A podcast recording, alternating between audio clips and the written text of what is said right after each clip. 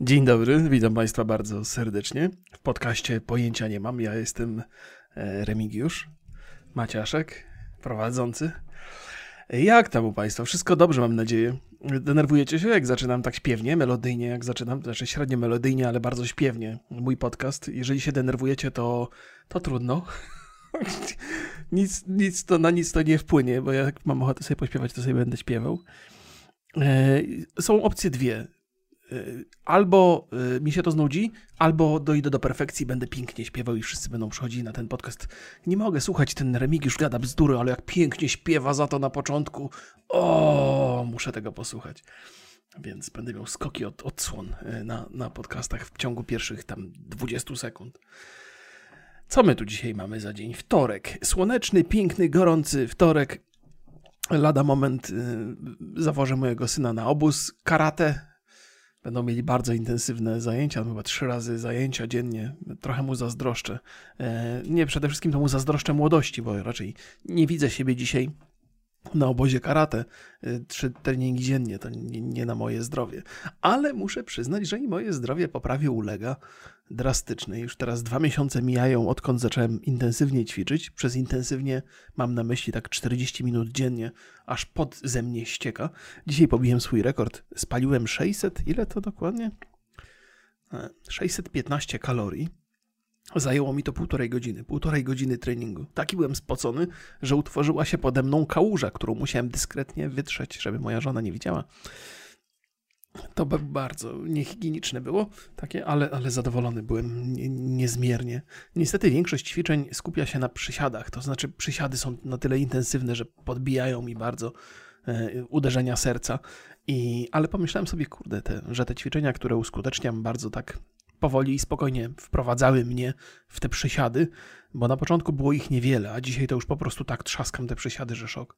To jest zawsze... Mm, ja zawsze mam pretensje, pretensje to zły wyraz, w ogóle nie taki chciałem powiedzieć. Zawsze mam zastrzeżenia do, do ćwiczeń, które, które w dużym stopniu obciążają kolana, nie? bo to jest, z kolanami to jest różnie, niezależnie od tego, jak wam się życie potoczyło, to jest duże, duże ryzyko, że w wieku 40 tam paru lat te kolana nie są wybitnie mocne. E, no i, i, zawsze się trochę boję. Zawsze przyznam, że od czasu do czasu też mi tak trochę trzeszczą. Coś mi tam stuka, puka, ale do tej pory nie miałem żadnej większej kontuzji poza łańkotkami w dzieciństwie, więc myślę, że moje kolana trzymają się nie najgorzej. I dzisiaj tak bardzo, bardzo je eksploatuję, ale, ale stopniowo. To nie, nie jest tak, że się rzucam na, na, na głęboką wodę. Więc myślę sobie, okej, okay, okej, okay, trochę, tro, trochę, trochę się obawiam, ale z drugiej strony cieszę się, że, że ćwiczę, bo, bo jeżeli moje kolana są słabe, to jest szansa, żeby je wzmocnić, nie? Czy to jest, proszę Państwa, coś, co chcielibyście usłyszeć? Opowieści gościa, który mówi, o już mam stare kolana? Chyba nie. E, ale proszę Państwa, ja wiem, że mnie słucha ludzi e, sporo w moim wieku, też sporo młodszych, w okolicy dwudziestu paru lat i to jest cenna lekcja dla wszystkich. Dla tych młodych nie zaniedbujcie przysiadów. Dla tych starych e, to mo można powoli też yy, przysiadami się zająć, tylko żeby nie, nie rzucać się od razu na, na głęboką wodę, bo z kolanami trzeba uważać. No i tak was poinstruowałem. Jak tak dalej pójdzie, yy, to zostanę tym influencerem yy, fitnessowym. nie mogę. Sama myśl o tym po prostu bawi mnie niezmiernie. Będę pisał podręczniki, jak schudnąć.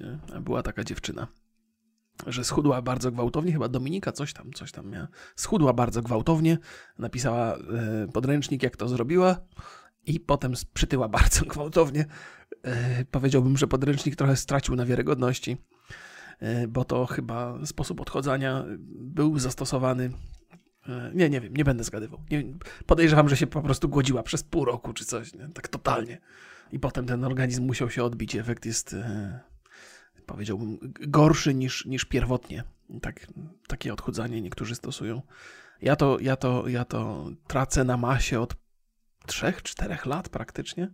Bardzo stabilnie, bardzo powoli, tak. Z reguły kilogram miesięcznie, czasami wolniej. E, ale to, to nie o tym. A może kiedyś o tym pogadam, bo to Państwa też pewnie interesują takie rzeczy. Żona się śmiała ze mnie, że mam andropauzę. E, ostatnio opowiadałem o tym, że mam jakieś problemy po drugiej szczepionce moderny. Mam takie problemy ze spaniem, że mam poczucie takiego niezwykle silnego wewnętrznego żaru. jakbym miał gorączkę, ale nie mam gorączki, nie mogę spać wtedy. Andropauza, andropauza, może powinienem to wygooglować wcześniej.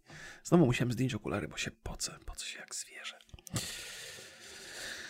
Andropauza, to sobie zaraz przeczytamy, bo to, to, to jest męska menopauza, czyli męskie przekwitanie. O nie, moja żona, widzę, ma dużo ostrzejsze poczucie humoru niż podejrzewałem.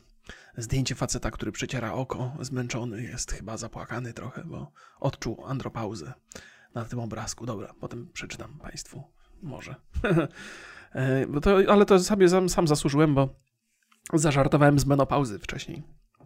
Natomiast y, miałem takie wrażenie, że, że te ataki gorąca to następują po, po modernie, ale wydaje mi się dzisiaj, że to chyba na skutek ćwiczeń, że, że tak, tak intensywnie żona mnie tutaj y, upomina, że, że mam nadwyżki testosteronu. Opowiadałem o tym ostatnio, że robię się taki dużo bardziej, dużo bardziej. Mm, chciałbym powiedzieć agresywny, ale to kompletnie do mnie nie pasuje żywiołowy taki, nie? zaczepny odrobinę bardziej. A moja żona mówi, ale mi się to podoba. Ja mówię, okej, okay, dobrze, doskonale, to, to, to się dobrze rozumiemy.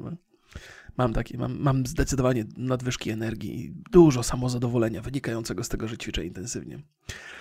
Więc, o, nie, dziękuję, nie potrzebuję się. Chrysto, otworzyłem, otworzyłem z andropauzą stronę i mnie to, ten dźwięk, co Państwo słyszeli go przed chwilą, to asystent do mnie pisze, czy ja potrzebuję gwałtownej pomocy. Nie, dziękuję, stronę tylko otworzyłem, nie musicie mi od razu życia ratować, no.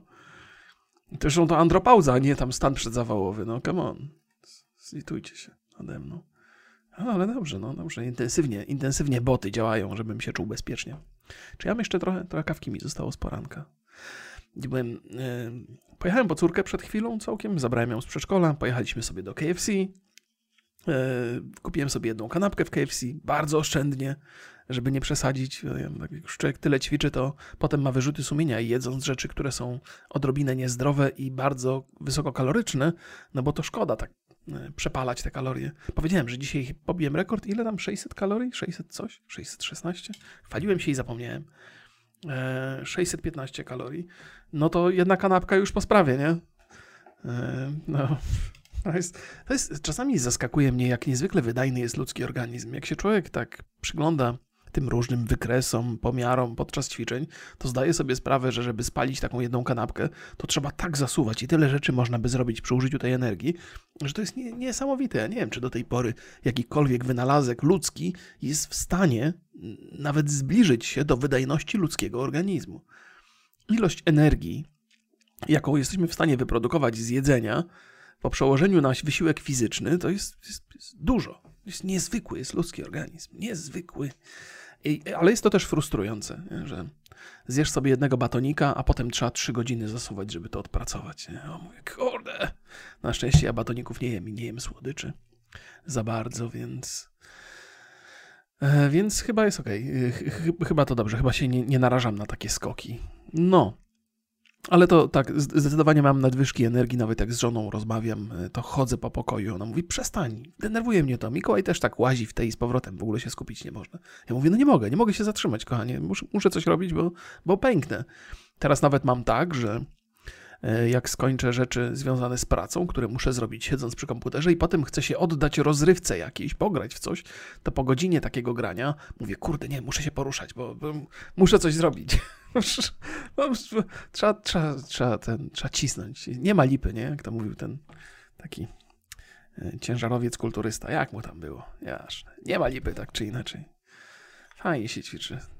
To jest... E, też żeśmy dzisiaj sobie z żoną rozmawiali jadąc samochodem i, e, i myślę sobie tak, że samo ćwiczenie może nie daje takiego poczucia szczęścia, ale pozwala patrzeć na inne sprawy z zupełnie innej perspektywy. Tak, tak z takiej trochę radośniejszej perspektywy, że te rzeczy, które mi się przytrafiały na co dzień i nie wzbudzały jakichś moich przesadnych emocji, to teraz bardzo mnie radują, na przykład. Ale to jest coś, to jest takie zagadnienie, nad którym muszę pomyśleć. Może te endorfiny, co się produkują podczas ćwiczeń, trudno mi powiedzieć, ale budujące jest to bardzo ćwiczenie i powoduje ogromne samozadowolenie. Naprawdę ogromne. Może to też jest kwestia indywidualna bardzo, bo ja w młodości ćwiczyłem niezwykle dużo i teraz ćwicząc także dużo, mam takie poczucie chyba trochę powrotu do, do, do tego, co było kiedyś, nie? Tak być może dlatego mój organizm tak pozytywnie reaguje. No i też mam takie poczucie, że a kurde, to był ostatni moment, żeby zacząć ćwiczyć, bo bo no, na przykład za 5-6 lat byłoby za późno, bo ta andropauza wspomniana wcześniej parę razy mogłaby się przydarzyć, nie? Objawy, co tu mamy? Okres andropauzy, objawy andropauzy, objawy seksualne andropauzy. O nie, nie chcę tego czytać. Nie, nie. Przyjmijmy, że to, to mi umknęło. Tak czy inaczej, no męskie przekwitanie, tyle Państwu powiem, nie musicie wiedzieć więcej. Piszą Państwo do mnie listy. A, dobra, to zanim, zanim przejdę do mojej... Och, listy takie ciężkie mi się przytrafiły, ale mm, nie na wszystkie jestem jeszcze gotowy odpowiedzieć. Powiedziałem, wspomniałem o tym, że, że jestem w KFC i taka mnie myśl naszła. Słuchałem kiedyś Marcina Mellera, a nie, to chyba moja żona słuchała. Jakiś taki, jakaś taka była rozmowa i ktoś mu zadał pytanie, co by zrobił, gdyby wiedział, że pojutrze albo jutro jest koniec świata, nie? I on powiedział, odpowiedział on, plus chyba jego znajomy też to potwierdził, że spędziłby ten dzień w KFC. To niestety jest bardzo mi bliskie. W sensie, gdybym wiedział, że jutro, e, jutro jest koniec świata, to bym zrobił, wykonałbym duże zamówienie w KFC. Uwielbiam, uwielbiam, ale rzadko chodzę, bo, bo jestem rozważnym, młodym dżentelmenem. E, no, ale tam są dobre rzeczy. Niestety. No, lubię, lubię w ogóle fast foody. Lubię McDonald's i lubię Burger Kinga, ale KFC, KFC robi robotę, nie? Może dlatego, że ja bardzo lubię kurczaczka. Eee, pozdrawiam wszystkich wegetarian, co teraz mają tutaj niesmak pewien. No co wam zrobię? No co wam mam powiedzieć? No, jesteśmy różni. Ja lubię mordować, wy nie. Poza tym jesteśmy bardzo podobni, tylko ja lubię mordować. No, może to nie jest, proszę mnie nie oceniać. To, to nie jest chyba nic takiego strasznego, mordowanie. Nie? Może. Mam trochę wyrzuty sumienia, powiem Państwu, e, z tego powodu mordowania zwierzyny, e, żeby zaspokoić swoje potrzeby kulinarne. No mam, mam. Ale, ale nie pozwalam, by mnie te wyrzuty sumienia w jakikolwiek sposób zmieniły. Może troszkę. E, no więc dostałem od Państwa parę mm, wiadomości, zwłaszcza od, od faceci do mnie pisali rzeczy e, i dostałem dwa takie maile, które wymagają dłuższego zastanowienia i chyba u, e, takie, takie trudne, nie? Tam ludzie mają różne przeżycia, czasami ciężkie i y, mogę, mogę być empatyczny i mogę wczuć się w to trochę i zrozumieć, natomiast bałbym się dawać jakiekolwiek rady. Więc jeżeli ktoś do mnie pisze z jakimś takim dużym problemem, zawsze staram się odpisać, że, że przynajmniej przeczytałem, bo wiem, że dla wielu osób jest to okazja, żeby się wygadać, nie? Że nie mają przed kim, to będą gadać z jakimś gościem w internecie. I ja, ja jestem dobrym odbiorcą tego typu treści, no bo to nikomu krzywdy nie zrobię, jak, jak przeczytam, a przynajmniej ktoś przeczyta. Nie?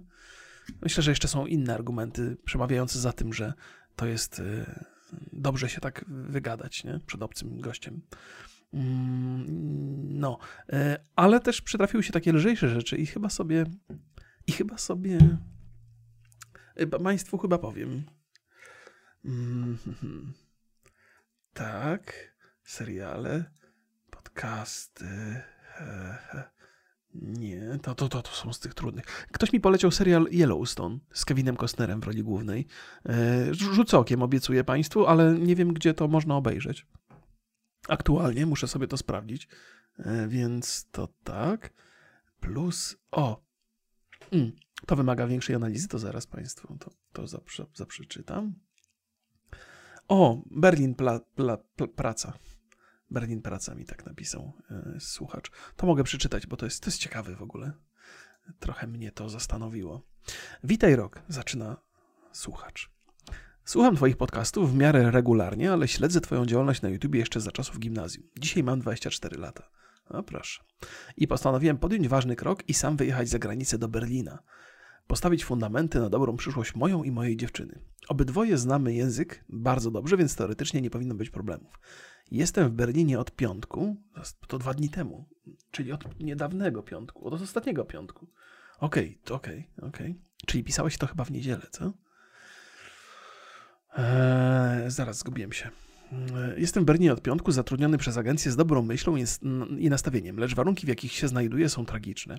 Zdawałem sobie sprawę, że mieszkanie może nie być najlepsze na świecie i nie jest, ale żyję tutaj z ludźmi, Polakami, którzy tylko piją, palą marihuanę, pewnie też coś mocniejszego, i słuchają do nocy głośno muzyki. Gdzie w takich warunkach nie da się spać, a siedząc w mieszkaniu zadymionym, wiadomo czym też się truje. E, nie biorę żadnych używek, przez to jestem wykluczony z grupy. Jutro mam pierwszy dzień w pracy, mam głęboką nadzieję, że się w niej odnajdę. Nie wiem, co mam z tym zrobić. Mieszkania własnego mogę dopiero szukać, jak trochę zarobię. E, czy znalazłeś się kiedyś w grupie, w której musiałeś być, ale byłeś wykluczony z niej? Okej, okay, to jest pierwsze pytanie. Nadal jestem zdeterminowany i nie poddam się za wszelką cenę, e, ale bardzo dużo daje mi też, że mam kontakt ze swoją dziewczyną. Ten, no, trochę tutaj gramatyka mi umknęła. To moja pierwsza wiadomość do ciebie, Łukasz. Łukaszu, drogi. Po pierwsze, to to, to dobrze, że jesteś zdeterminowany, nie? No to trzeba przetrwać, bo co, co ci tutaj? No, znalazłeś się w warunkach i, i, masz jakiś plan na swoje życie i na pewno zajdziesz dalej niż ci, którzy ulegają temu imprezo, imprezowaniu. Też y, opowiedziałem o twoim maili, mailu mojej, mojej żonie. Ja zawsze staram się przez moją żonę trochę odbijać te rzeczy. Oczywiście bez szczegółów, bo jestem ciekaw jej opinii. Ja, ja to jestem taki, że często błądzę w chmurach, ona bardzo mocno stąpa po ziemi. I ona mówi, że no faceci to jest takie typowe, że kurde, jak się spuści ze smyczy, to im odbija. I tak jak czytam twoją historię, to nie jest pierwsza taka, którą usłyszałem, bo ja na przykład mam na osiedlu dom, w którym y, Ukraińcy pomieszkują i u nich są dokładnie te same schematy. Tam jest, jest, jest y, picia i palenia i głośnej muzyki dużo, nie? co też frustruje pewnie ludzi na osiedlu, ale rozumiem, no po prostu taki dom wynajęty. I to nie jest związane z tym, że tam są Ukraińcy, tylko jest związane z tym, że jest tam jakaś jedna narodowość ludzi, którzy zajmują się pracą w tym miejscu, jakby nie mieszkają tu na stałe. I to jest taka przeczekalnia, że, że przez jakiś czas pewnie tutaj są ludzie, niektórzy wychodzą z tego miejsca, odnajdując swoje gdzie indziej, a niektórzy zostają i w zasadzie potem wracają do kraju, jakiś tam poza wspomnieniami nie mają e, pewnie wielkich przeżyć. Trzeba przyznać, że faceci ta, na takich wyjazdach to to są trochę jak spuszczeni ze smyczy, jak, jak nie wiem, jak, jak, jak młode chłopaki na wycieczce. Że można wreszcie wypić, się zjarać i nikt na, na ciebie nie zwraca uwagi, nikt cię nie, nie ściga, nikt cię nie goni. To jest ciekawe. E, moja żona też opowiedziała, że jej tato jeździł za granicę dawno, dawno temu pracować albo do Czech, albo też do Niemiec i mówił, że u niego dokładnie te same historie były, że facetom odbijało totalnie na tym wyjeździe, że pili non-stop, że się szlajali, że jakieś kobiety sobie sprowadzali stamtąd, a potem wracali do Polski i udawali, że wszystko jest w porządku, tam zarabiali jakieś pieniądze. Ale tak autentycznie zerwani ze, ze smyczy. I to jest taka historia, ta twoja przede wszystkim, bo ona jest bliższa mi, bo jest współczesna, która trochę mnie rozbraja, bo ja mam takie takie miałem być może romantyczne wizje, że jeżeli ktoś jedzie za granicę, to jest na tyle, to, to jest trudny krok w ogóle. To, to, to trzeba mu przyznać sporo determinacji. Ale ta determinacja jakby ginie totalnie, kiedy się w jakimś takim własnym gronie ludzie znajdują i zajmują się imprezowaniem i jakby nie mówię, że ten, kto tam chleje i siedzi do rana, to jest mniej wydajny w pracy, ale można by podejrzewać, że tak jest właśnie, nie? To jest jak już, jak już jedziesz, jedziesz za granicę, znajdujesz się w miejscu, w którym możesz lepiej zarobić i to miejsce ma potencjał i jest szansa na to, że osiągniesz coś w przyszłości, to jednak, kurde, fajnie by było skupić się na tym, nie? Jakby, jeżeli już jestem na tyle zdeterminowany, żeby wyjechać, to warto by było jeszcze przycisnąć trochę i, i przede wszystkim skupić się na pracy, nie? I, I coś tam osiągnąć. A tu mam takie wrażenie, że ludzie, ludzie wyjeżdżają z kraju, ponieważ uważają, że tutaj nie ma dla nich szans, być może mają rację, i jadą za granicę i te szanse marnują. Nie? Ale tak jak mówię, to nie znaczy, że tam ktoś, jeżeli ktoś pije dużo i się bawi, to wcale nie znaczy, że niczego nie osiągnie. Może osiągnie nadal, mimo wszystko, nie? Może potrzebuje trochę spuścić pary, może to w czymś pomaga też, nie? Ale tu bym bardziej zdecydowanie bym kibicował twojej postawie, gdzie masz poczucie, że, że trzeba się wyspać, trzeba być przygotowanym do pracy. E, I to, co powiedziałeś na końcu, ma duże znaczenie dla mnie, to znaczy jeżeli tobie zależy i jeżeli wiesz, że warto i jesteś zdeterminowany, to, to przetrwasz. Przeczekasz, do, zarobisz na tyle, żeby sobie poszukać swojego własnego miejsca, albo może poszukać miejsca, w którym nadal są ludzie, ale bardziej skupieni na pracy, a nie na imprezowaniu. I, i sobie poradzisz, nie? Już sam, sam fakt, że obserwujesz świat z tej perspektywy jest op, op, optymistyczny chyba. Nie? No, no, no więc tak. Więc, więc kibicuję i trzymam kciuki. E, będzie dobrze. Będzie dobrze. Wszystko to zależy od ciebie. Nie? E, I jeszcze jedna rzecz. O, właśnie, Maciek. Pan, pan Maciek mi napisał, tak, nie wiem czy to. E, na początku się trochę oburzyłem. Pan, jako, jako, że nieświadomie lub świadomie kreuje się pan na znawcę science fiction, napisał mi pan Maciek. Panie Maćku, ja nie chcę ani świadomie, ani nieświadomie. Ja się nie, nie chcę kreować na jakiegokolwiek znawcę w jakimkolwiek zakresie. Nie? To, to, to jest jedna z rzeczy, która mi daje pewną swobodę w prowadzeniu podcastu, to to, że, że mogę się, yy, mogę wiele rzeczy rozpatrywać na chłopski rozum i nie jestem ekspertem w niczym. Eksperci są upierdliwi i męczący, zwłaszcza eksperci we wszystkim, we wszystkim, więc ja nie, nie, nie, nie, nie, nie, nie, nie mam się za eksperta w żadnym razie, ale to cieszę się, że pan docenia na przykład moją wiedzę, którą się dzielę w zakresie science fiction. Ale w związku z tym chciałeś mnie, pan, panie Maćku, poprosić o pomoc. Chciałeś pan. To tak zabrzmiało trochę dziwnie, ale okej. Okay. Eee, więc pan Maciek pisze tak. Od jakiegoś czasu bardzo lubię historię świadomości, która budzi się w sztucznej inteligencji. A, proszę, ten klimat. Wiem, że jest sporo filmów i takich seriali jak przykład Mother czy Westworld, ale chodzi mi o coś trochę węższego. Czy zna pan może jakieś historie, w których maszyny zdobyły świadomość i starają się w miarę ogarnąć, czego w ogóle chcą, czy różnią się od ludzi i tym podobne? Strasznie głupio to brzmi, wiem. Nie, nie, nie brzmi to głupio. To jest całkiem zacna, zacna myśl. Ja, ja lubię też rozmyślać o takich rzeczach. Ze strony ludzi może być podobnie. Też nie wiedzą, co się dzieje, może się pojawić rasizm. A, czyli pan, doszukujesz się, panie Macieju, znowu jakieś dziwne formy wybieram, e, ludzkich, mm, ludzkiego oblicza w, w sztucznej inteligencji. Mhm. Okej, okay, to, jest na pewno, to jest na pewno kwestia do przemyślenia. Ale tak, liczysz na rekomendacje przede wszystkim z mojej strony. To ja myślę, że mogę coś ci podrzucić tutaj e, w, w tym kierunku. Ja z reguły mam problemy z pewnymi tytułami, ale muszę przyznać, że też sztuczna inteligencja bardzo mnie interesuje. Też za chwilę Państwu poopowiadam o tym. Natomiast to, co chciałem e, podrzucić Tobie, to jest taki pisarz, który nazywa się Isaac e, Asimov. I on jest y, twórcą trzech praw robotyki. To jest takie coś, co powstało na potrzeby chyba przede wszystkim literatury science fiction, natomiast stało się we współczesnej nauce pewną regułą, wedle których być może kiedyś będzie się budowało sztuczną inteligencję. I ja nie przytoczę y, tych trzech praw robotyki, bo nie, mam ich przed sobą, ale może przytoczę, bo to co to za problem? Trzy prawa robotyki. Przecież mam tu internet. Hmm. Prawa, trzy prawa robotyki. Ale zanim, zanim to przytoczę, to powiem, że polecam bardzo serdecznie jego twórczość. Był taki film Ja Robot z Willem Smithem. Oczywiście ten film nie do końca opisuje dokładnie te wszystkie niuanse, które Isaac Asimov przedstawił. Natomiast y, Asimov chyba pięć książek takich poczynił, które zaczynają się właśnie cyklem Ja Robot. Albo Pozytronowy detektyw, pozytronowy coś tam, coś tam. Jest w bardzo interesujący sposób y, opisuje y, jak y, roboty, jak sztuczna inteligencja mogłaby u, u, pod, być poddawana emocjom, w jaki sposób odczuwać emocje, w jaki sposób reagować na emocje. I te emocje, które są wygenerowane w sposób sztuczny, techniczny i w zasadzie na skutek błędu oprogramowania, są bardzo wiarygodne, jakby, jak, y, by, by, by trochę po, powiedzieć bliżej. Nie? Jeżeli mamy takie sytuacje, będąc człowiekiem, bo w jakiej innej sytuacji mielibyśmy się znaleźć, nie? że odczuwamy silne emocje i to, to doznajemy często szoku, że na przykład coś nas sparaliżuje albo nie wiemy co powiedzieć, nie wiemy co zrobić. To Isaac Asimov spróbował to przetłumaczyć na pewien, pewien rodzaj zwarcia. Jeżeli sztuczna inteligencja natrafi na problem, który w ramach jej oprogramowania jest, jest sprzeczny, trudny do rozwiązania, to następuje coś, co przypomina pewnego rodzaju paraliż, czyli ten szok. I takie sytuacje się powtarzają, i okazuje się, że ten że ten punkt wspólny między sztuczną inteligencją a człowiekiem to przede wszystkim takie ciężkie emocjonalne momenty, które trudno sobie wyjaśnić y, w, w, sposób szybki, nie? że coś nas paraliżuje i to jest coś, co nas ze sztuczną inteligencją może łączyć. Że z innych powodów, bo sztuczna inteligencja jakby oprogramowanie tego nie ogarnia, a w przypadku ludzkiego, no to też umysł tego nie ogarnia. I takie bardzo fajne podobieństwa między, między działaniem sztucznej inteligencji i człowieka. Więc gorąco polecam Izaka Asimowa i, te, i ten pięciotomowy cykl związany z, z, z, z, z pozytronowymi umysłami. E, proszę sobie prześledzić dokładnie, bo bo to jest. Yy, znaczy, zanim zaczniesz czytać, to, to zobacz sobie, jaka tam jest chronologia, ale to na pewno trafisz na to. Yy, a ja sobie wpisałem w Google, Google te trzy prawy y, robotyki i mamy tak. Dlaczego prawa robotyki Asimowa wymagają XXI wieku? To jest ciekawe, bo to jest bardzo ponadczasowe to, co, to, co, to, co zrobił, to, co napisał Asimov.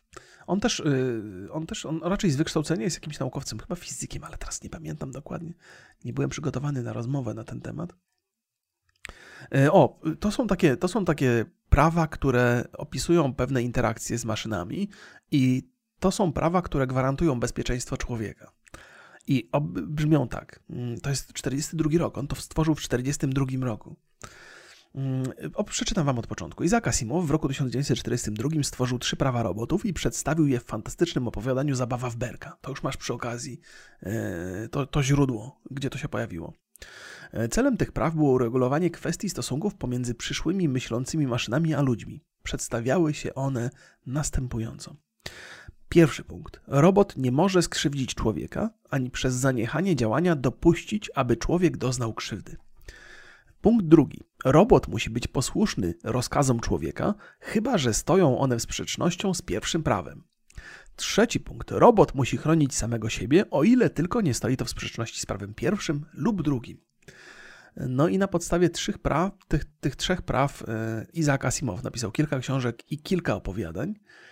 I, I to jest rzecz, zacz, z, z, z, rzecz zacna. Zrobiła to na mnie, zrobiło to na mnie bardzo duże wrażenie, kiedy, kiedy, trzym, trzym, kiedy to czytałem po raz pierwszy. Tak, zerkam tutaj. Jest też kilka dzieł Asimowa, których nie czytałem. Na przykład nie czytałem Fundacji, na bazie której zresztą powstaje e, serial obecnie robiony przez albo przez, przez Apple, Apple chyba, Apple TV.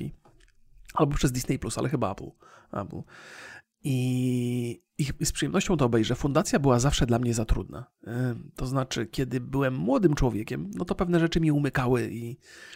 No dobra, mówiąc wprost, była dla mnie nużąca, ale nie dlatego nużąca, że była słaba, bo to jest jednak dzieło uznane, ale podejrzewam, że nużąca, ponieważ miałem za wąskie horyzonty i nie potrafiłem tego, tego wszystkiego zrozumieć, co tam było opisywane. Umykały mi, mi rzeczy.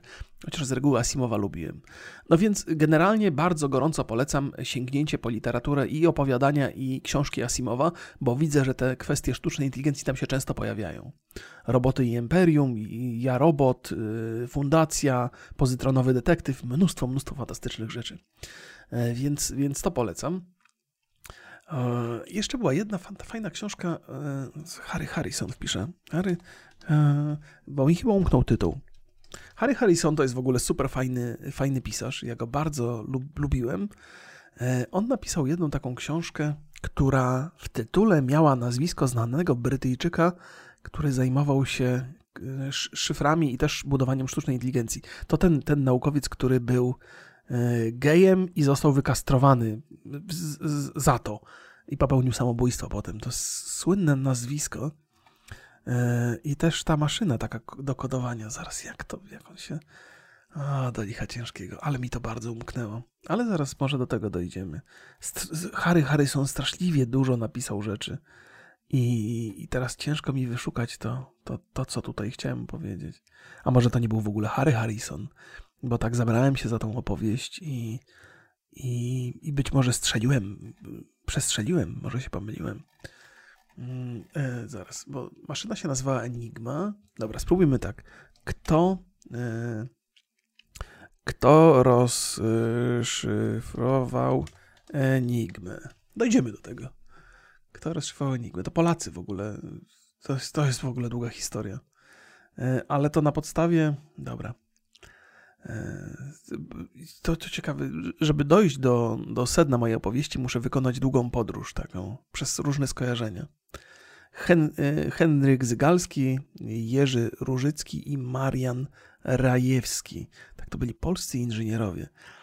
Ale jest jeszcze jedno takie nazwisko. To nazwisko także oznacza pewien e, test, któremu się poddaje maszyny, by określić, czy one są samoświadome. I też mi ten test. Dobra, spróbujmy inaczej.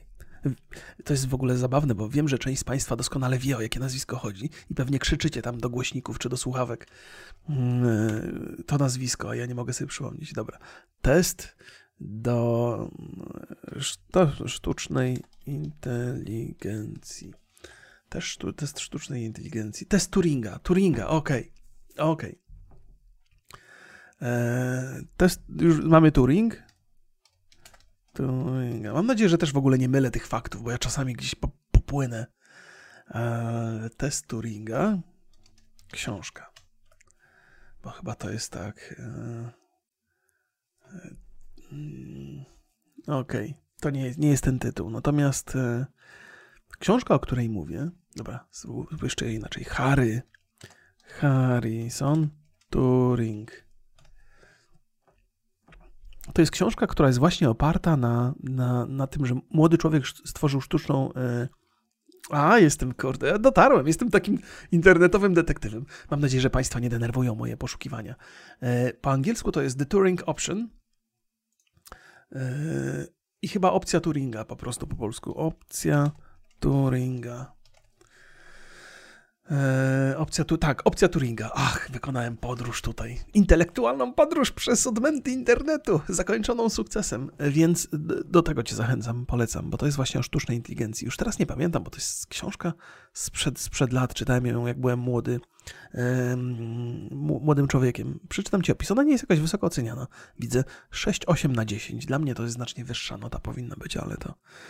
Brian Delaney Specjalista w dziedzinie sztucznej inteligencji odnosi poważne rany głowy w wyniku napadu na laboratorium. Naukowcy rekonstruują jego mózg używając technik reprogramowania nerwów i implantów komputerowych.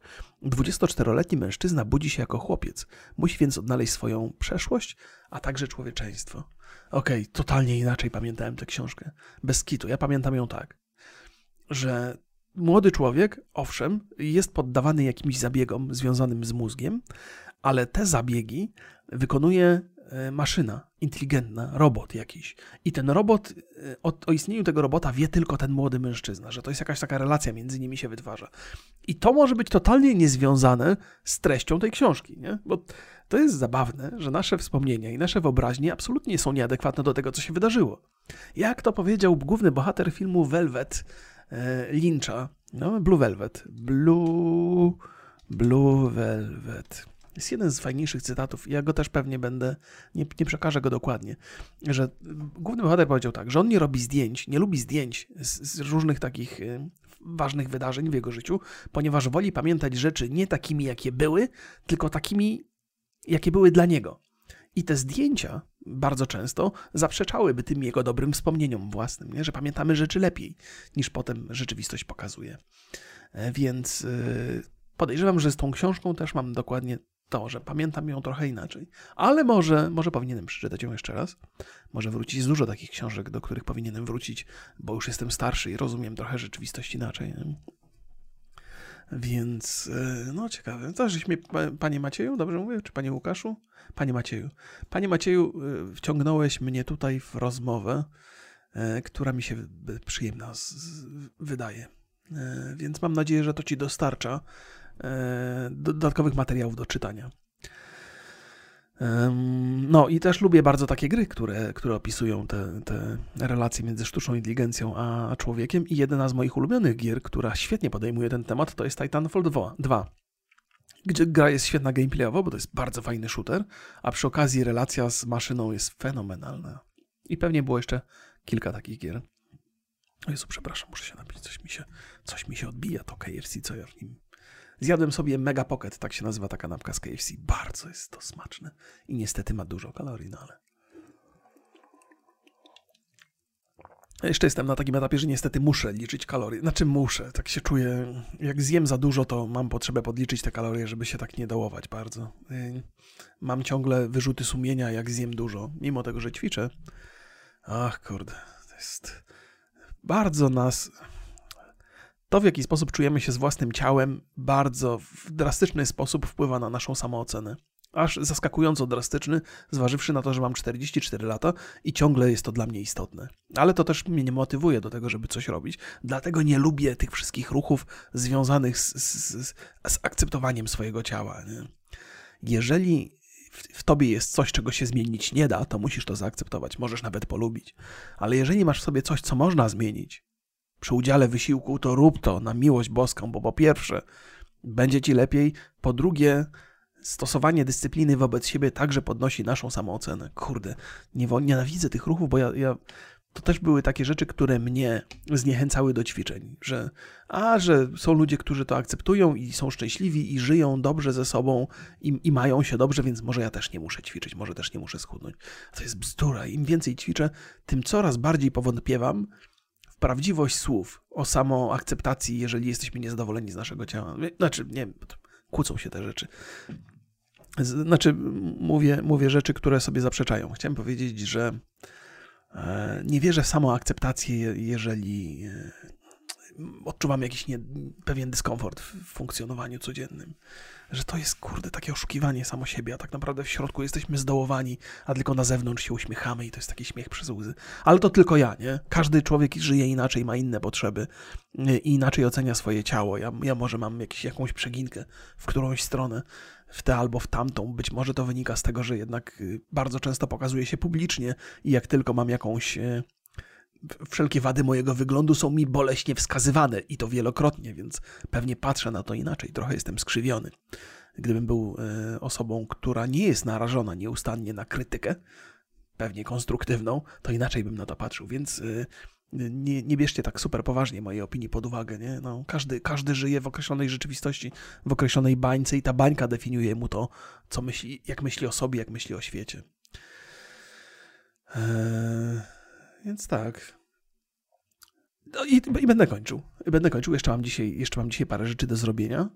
Będziemy jeszcze z Borysem coś nagrywali fajnego. Więc, więc przede mną jeszcze cały dzień. Chociaż już jest takie, takie powiedziałbym, późne popołudnie. Późne, 17 jest, no.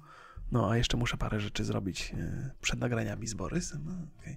Życzę Wam miłego dnia. E, bawcie się dobrze. Mam nadzieję, że Wam nie przeszkadza, jak od czasu do czasu skrócę ten podcast do tych 30 paru minut. Ale dzisiaj było bardzo intensywnie. Mam wrażenie, że mówiłem w ciągu tych 35 minut, powiedziałem rzeczy więcej niż zazwyczaj mówię przez godzinę. Ale może jestem w błędzie. Życzę Wam miłego dnia, miłego wieczoru. Trzymajcie się.